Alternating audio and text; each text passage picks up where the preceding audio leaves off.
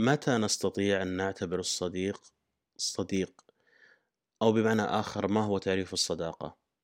بالنسبة لي الصديق هو كل من نقضي معه وقت مسلي طبعا الصداقة لا تقتصر على هذا لكن برأيي هذا هو الأساس اللي تبنى عليه الصداقات وقضاء الأوقات المسلية غالبا يكون عن طريق مشاركة الاهتمامات طيب هل الصداقات الإلكترونية وهم كما يدعي الكثير؟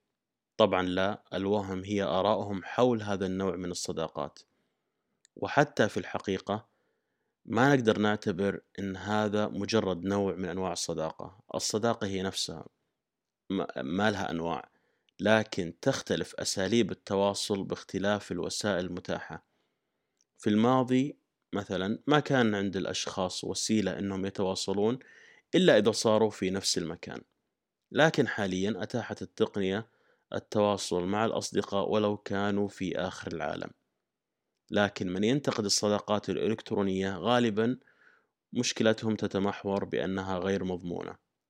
وبصراحة هذا الرأي مضحك آه، لأنهم يتكلمون وكأن ما في أصدقاء تعرضوا للأذى والغدر من اللي كانوا يعتبرونهم أصدقائهم في الواقع برغم معرفتهم الشخصية فيهم. والواقع يفيض بهكذا قصص. فمسألة ضمان الناس من الأساس هي مسألة غير قابلة للتحقق في كل الأحوال وليست حكر على الأصدقاء الإلكترونيين. وفعليا أرى العكس أنك تقدر تعرف أشياء كثيرة عن الناس في مواقع التواصل أكثر بكثير من, الم... من الواقع بحكم أن مواقع التواصل تتيح لك معرفة أفكارهم بطرق عديدة بعكس الواقع واللي يتطلب ظروف يندر أنها تتو... تتوفر حتى تستطيع معرفة الأفكار. وهذا يتضح لما أحدهم يطيح بالصدفة على حساب شخص يعرفه ثم ينصدم من كلامه وأفكاره. آه، مواقع التواصل تمثل الواقع لكن بشكل متسارع لأن في تكثر النقاشات والأحداث وبالتالي تبرز الأفكار بشكل أوضح حتى لو كان صاحبها متحفظ في إظهارها. وأيضا الصداقات في الواقع غالبا تكون محدودة بالمكان اللي تلتقي فيه بالناس وللأسف قد لا تجد أحد تتوافق معه. بعكس العالم الافتراضي يوفر فرص غير محدودة. للالتقاء بالأشخاص اللي نتشابه معهم. ومو الكل محظوظين حتى يكون الأشخاص المتواجدين حولهم مرشحين لأن يكونوا أصدقاء.